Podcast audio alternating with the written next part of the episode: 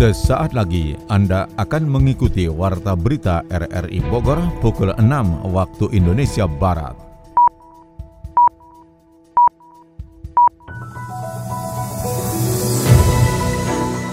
Selamat pagi. Saudara, kita bersua kembali lewat Warta Berita RRI Bogor Senin 21 Maret 2022. Siaran ini juga dapat Anda dengarkan melalui aplikasi RRI Play serta turut disiarkan Radio Tegar Beriman Kabupaten Bogor. Berikut kami sampaikan berita utama. Satu dari tiga nama terduga teroris yang baru diamankan Densus 88 di wilayah Gunung Sindur, Kabupaten Bogor hingga kini masih menjadi misteri. Kemungkinan besar ditangga di jalan, jadi yang tahu. Iya, jadi nggak ada di tengah warga. Polresta Bogor Kota membangun pusat layanan masyarakat hingga ke tingkat polsek dan pospol. Polresta atau jajaran polsek adalah ruangan untuk masyarakat sehingga masyarakat bisa lebih memiliki menjadikan polisi menjadi bagian dari kegiatan-kegiatan masyarakat. Guna mewujudkan ketahanan pangan masyarakat, pemerintah Kota Bogor akan mendukung pemasaran produk hasil pertanian dan peternakan menggunakan fasilitas kami, gedung, mobil, dan nanti petani satelit, tapi dia tidak bayar apa-apa. Semua disubsidi oleh pemerintah. Bersama saya Muhlis Abdillah, inilah Warta Berita selengkapnya.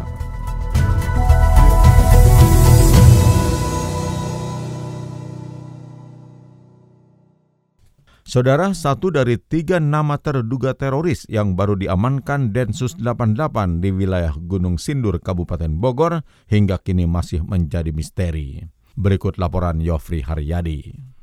Satu dari tiga nama terduga teroris yang baru diamankan Densus 88 Anti Teror Polri di wilayah Gunung Sindur Bogor hingga kini masih menjadi misteri. Dari rilis yang disampaikan di Jakarta beberapa hari lalu, diketahui sudah ada 12 tersangka yang diamankan dan lima di antaranya berasal dari kelompok Jaringan Jamaah Islamiyah asal Kabupaten Tangerang, Banten. Terkait hal itu, saat dikonfirmasi RRI, Kapolsek Gunung Sindur Bogor Kompol Birman Simanulang menjelaskan tidak ada satupun laporan dari anggotanya di lapangan yang mencatat penangkapan seorang terduga teroris di wilayah hukumnya. Dan sepintas, Kapolsek Gunung Sindur itu menduga penangkapan yang dilakukan di Jalan Pemuda Gunung Sindur saat tersangka melarikan diri dari Tangerang, Banten menuju ke arah Gunung Sindur Bogor. Dengar informasi itu, Densus 88 itu target di Pamulang, mungkin ada yang kabur ke arah itu, jadi kemungkinan besar di tangga di jalan, jadi yang tahu. Iya, jadi nggak ada di tengah warga gitu. Kita nggak ada informasi, jadi warga juga udah kita ini bimat babin saja. Dari keterangan Kepala Bagian Operasi Densus 88 Anti Teror Kombes Pol Siregar, terduga teroris yang ditangkap di Bogor berinisial RS bersama dengan empat tersangka lainnya yakni TO, GU, SS, UMB, dan SU. TO sendiri diketahui berstatus PNS di Dinas Pertanian Kabupaten Tangerang. Kemudian empat terduga lainnya yang diamankan di Batam, Kepulauan Riau yakni AR, MS, AS dan DS pada Rabu 16 Maret lalu. Penelusuran terduga teroris di Kecamatan Gunung Sindur juga menjadi atensi sejumlah organisasi masyarakat atau ormas di Gunung Sindur. Salah seorang penasehat ormas di Gunung Sindur, Abdul Hamid, tidak mendapat informasi terjadinya penangkapan terduga teroris di wilayahnya saya udah cek beberapa nomor kontak kawan-kawan di Gunung Sindur belum ada yang saya makanya kaget saya, saya kaget dapat info dari akan ada penangkapan teroris di Gunung Sindur. Dulu waktu penangkapan jangan kan teroris ya penangkapan siapa yang buron itu narapidana buron yang dari penjara Muhammad nggak nggak berani ngasih komentar seperti diketahui, saat ini di Kecamatan Gunung Sindur, Kabupaten Bogor banyak dibangun komplek perumahan yang mayoritas ditempati oleh warga pendatang. Penangkapan terduga teroris di Kecamatan Gunung Sindur itu pun dikhawatirkan menjadi stigma negatif bagi publik, terutama warga asli Gunung Sindur, Kabupaten Bogor. Polresta Bogor Kota membangun pusat layanan masyarakat hingga ke tingkat polsek dan pospol. Sony Agung Saputra menurunkan catatannya. Aparatur kepolisian Polresta Bogor Kota melakukan inovasi untuk meningkatkan pelayanan masyarakat. Wilayah hukum Polresta setempat menuntut adanya tingkat kewaspadaan dan pengayoman masyarakat lebih optimal karena memiliki dinamika sangat tinggi dengan pusat kegiatan di semua kecamatan. Kapolresta Bogor Kota Kombes Pol Susatyo Purnomo Condro mengatakan saat ini inovasi untuk mewujudkan pusat pelayanan masyarakat di semua tingkat kepolisian sedang dilakukan. Masyarakat mendapatkan pelayanan dengan cepat dan terpercaya dengan cara untuk mengayomi mereka yang membutuhkan bantuan kepolisian dalam berbagai hal. Yang menjadi motivasi pelayanan di Polresta ini jauh lebih baik bahwa Polresta memiliki niat agar ruangan terbaik di kantor Polresta atau jajaran Polsek adalah ruangan untuk masyarakat sehingga masyarakat bisa lebih memiliki menjadikan polisi menjadi bagian dari kegiatan-kegiatan masyarakat. Kemudian selain pelayanan perlu inovasi banyak yaitu inovasi di bidang pemeliharaan keamanan tertiban masyarakat maupun inovasi di bidang penanganan pandemi, juga inovasi-inovasi terkait juga bagaimana kami kegiatan untuk mendekatkan diri kepada masyarakat. Upaya mewujudkan situasi aman dan kondusif juga terus dilakukan sehingga memerangi kejahatan di semua wilayah menjadi salah satu yang utama. Menghadirkan polisi lebih banyak di masyarakat. Masyarakat dekat dengan polisi dan juga bisa menangani kejahatan-kejahatan masyarakat atau kejahatan-kejahatan street crime yang meresahkan sehingga masyarakat aman dalam berkegiatan. Untuk penghargaan kami merintis semua penghargaan ini sejak kami menjabat di Januari 2021 dan alhamdulillah berdasarkan evaluasi dari Ombudsman kami mendapatkan nilai tertinggi di Jawa Barat pada bidang SKCK, SPKT dan lalu lintas sehingga menjadi juara satu dalam penilaian kepatuhan pelayanan publik dan yang terakhir kami mendapatkan penghargaan dari Kemenpan Reformasi Birokrasi yaitu penilaian pelayanan publik dengan nilai A. Polresta Bogor Kota juga bersama Muspida setempat terus melakukan pembinaan teritorial sehingga masyarakat yang saat ini terkena dampak pandemi COVID-19 bisa segera pulih secara ekonomi dan kesehatan. Guna mewujudkan ketahanan pangan masyarakat, pemerintah Kota Bogor akan mendukung pemasaran produk hasil pertanian dan peternakan. Catatan selengkapnya disampaikan Adi Fajar Nugraha. Pemerintah Kota Bogor melalui Dinas Ketahanan Pangan dan Pertanian DKPP akan mendukung pemasaran produk hasil pertanian dan peternakan dalam mewujudkan ketahanan pangan masyarakat. Sejumlah program telah dipersiapkan di tahun 2022 ini di antaranya program Toko Tani Satelit. Kepala DKPP Anas Rasmana menjelaskan, toko tani satelit merupakan wadah bagi para petani untuk memasarkan hasil produksi pertaniannya. Nantinya toko tani satelit akan dihadirkan di masing-masing wilayah untuk menjangkau masyarakat dalam memenuhi kebutuhan pangan. Di samping mempermudah akses pemasaran, Anas mengklaim produk hasil tani yang dijual harganya lebih ekonomis untuk dibeli masyarakat. Kita siapkan samping toko tani ya, ada toko tani mobil, pakai mobil itu klik dan ada toko tani satelit. Kami akan launching tahun ini toko tani satelit. Toko tani satelit adalah toko tani kecil yang ada di wilayah oh. yang akan kita buka nanti di Bubulak karena Bubulak itu termasuk daerah yang rawan pangan hmm. harganya rata-rata 15% lebih murah dari harga pasar biasa Anas menambahkan nantinya kehadiran toko tani di wilayah diharapkan dapat mendukung kerawanan daya beli masyarakat terhadap kebutuhan pangan serta memperjuangkan kesejahteraan para petani lokal. Tapi ini bukan saingan pasar atau mart ya, bukan. Ini hanya untuk membela mereka yang punya rawan daya beli. Buat mereka bisa ya? jualan di situ. Jualan Jadi seperti ya? orang beli di balong hmm. ikan, bayangin beli beli lele di balong. Harga balong dong, ya. karena dia tidak dipungut apa-apa. Menggunakan fasilitas kami, gedung, mobil dan nanti toko tani satelit, tapi dia tidak bayar apa-apa. Hmm. Semua disubsidi oleh pemerintah. Upaya lain yang dilakukan Pemkot Bogor yakni menggelar operasi pasar jika terjadi lonjakan harga komoditas pertanian dan peternakan. Hal tersebut dilakukan untuk menjaga daya beli yang berdampak pada stabilitas roda perekonomian masyarakat. Festival HAM 2022 yang akan digelar di Kota Bogor mulai 8 hingga 10 November mendatang akan mengusung tema keberagaman, harmoni, dan inklusi.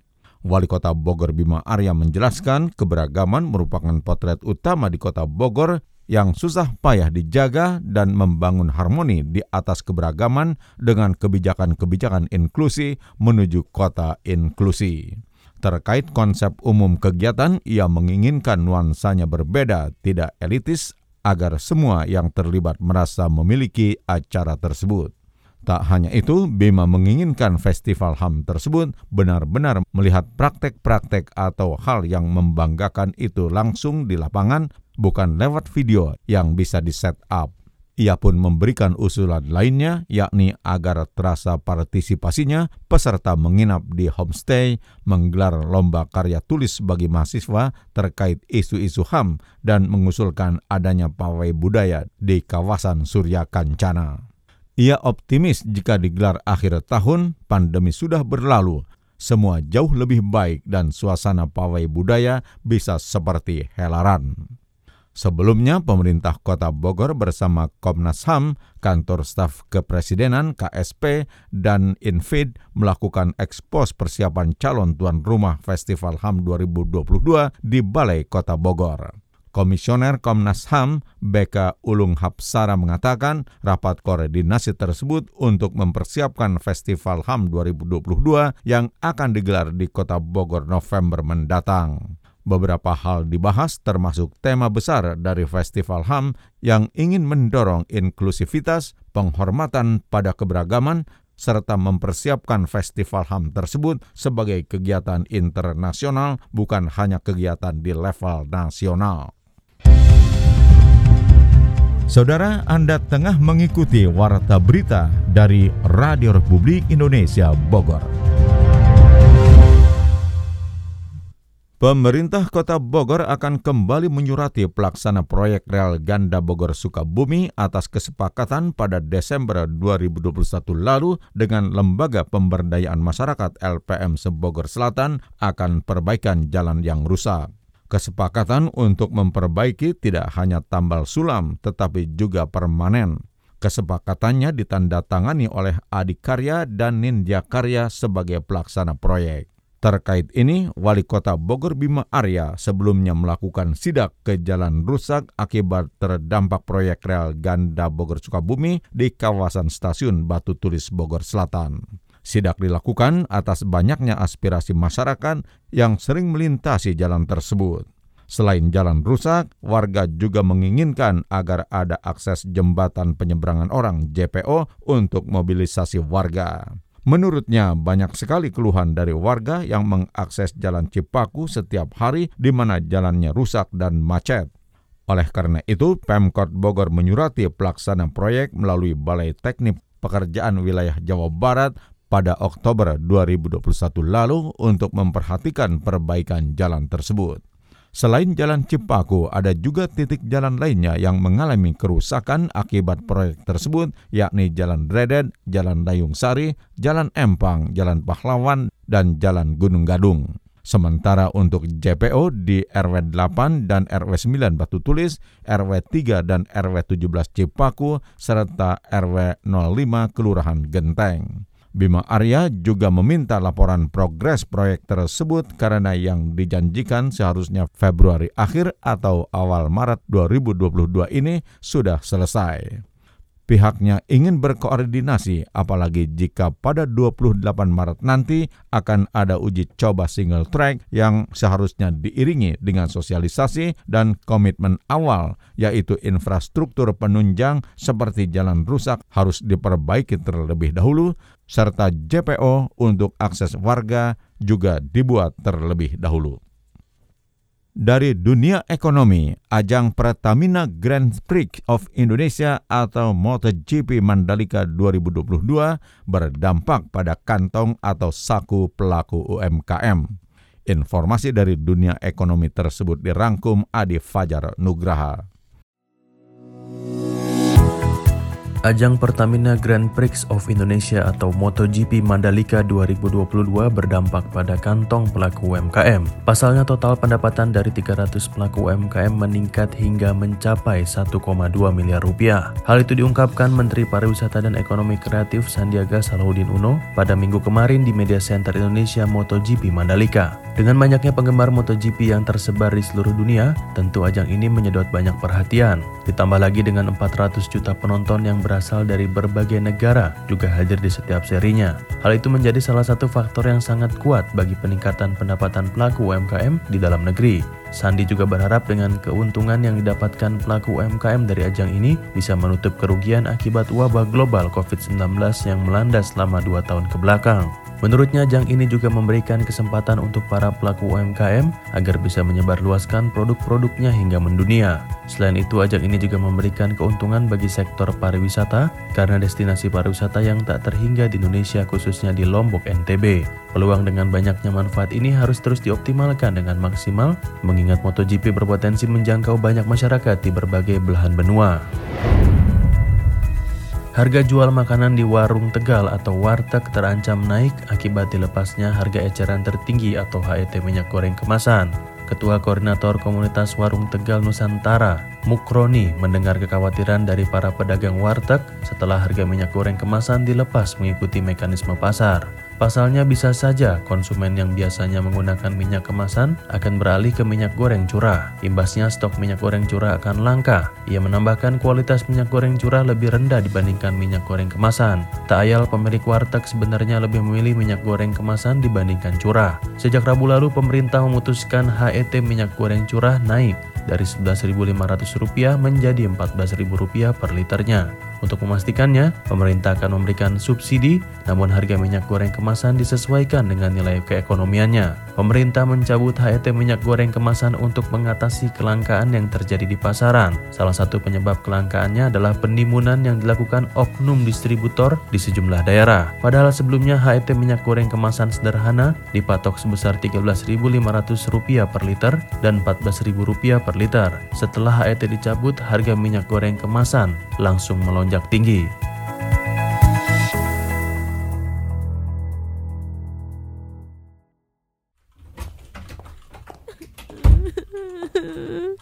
Kamu kenapa Kinan? Aku baru kena teguran sama atasan. Project yang aku kerjain lewat deadline dan gak sampai target.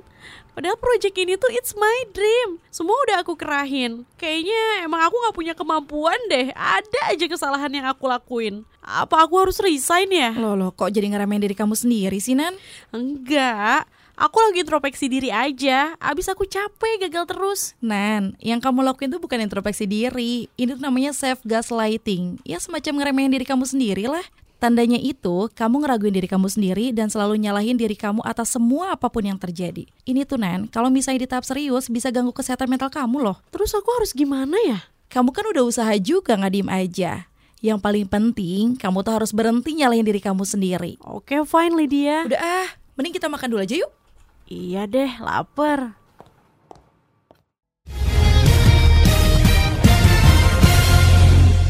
Beralih ke berita olahraga, PBSI Kabupaten Bogor memprogramkan pembinaan atlet berprestasi dan regenerasi atlet. Catatan selengkapnya disampaikan Ermelinda.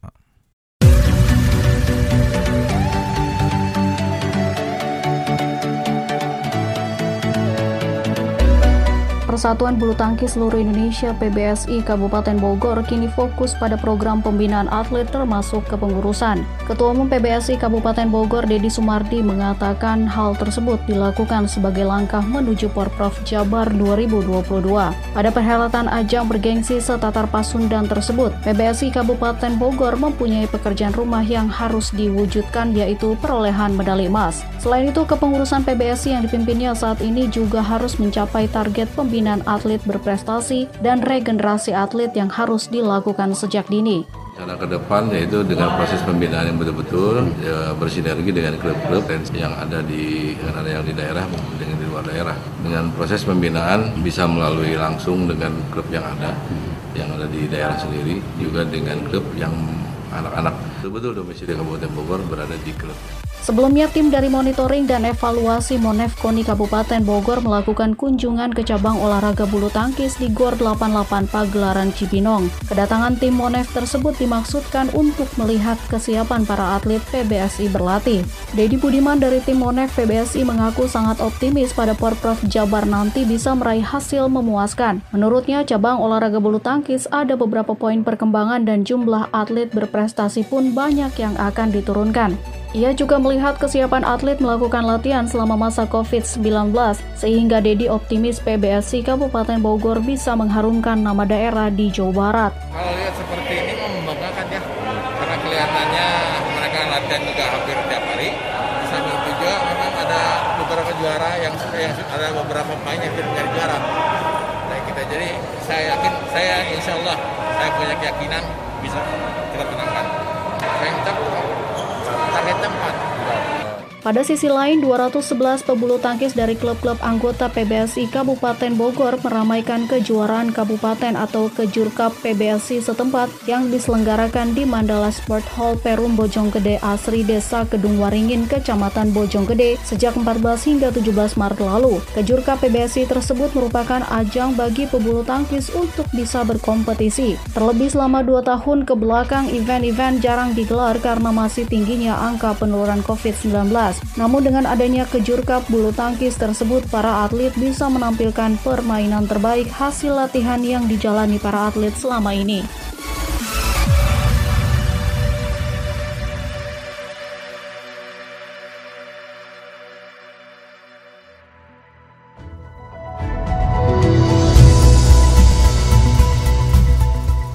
Saudara, informasi olahraga tadi sekaligus menutup perjumpaan kita lewat Warta Berita RRI Bogor pagi ini.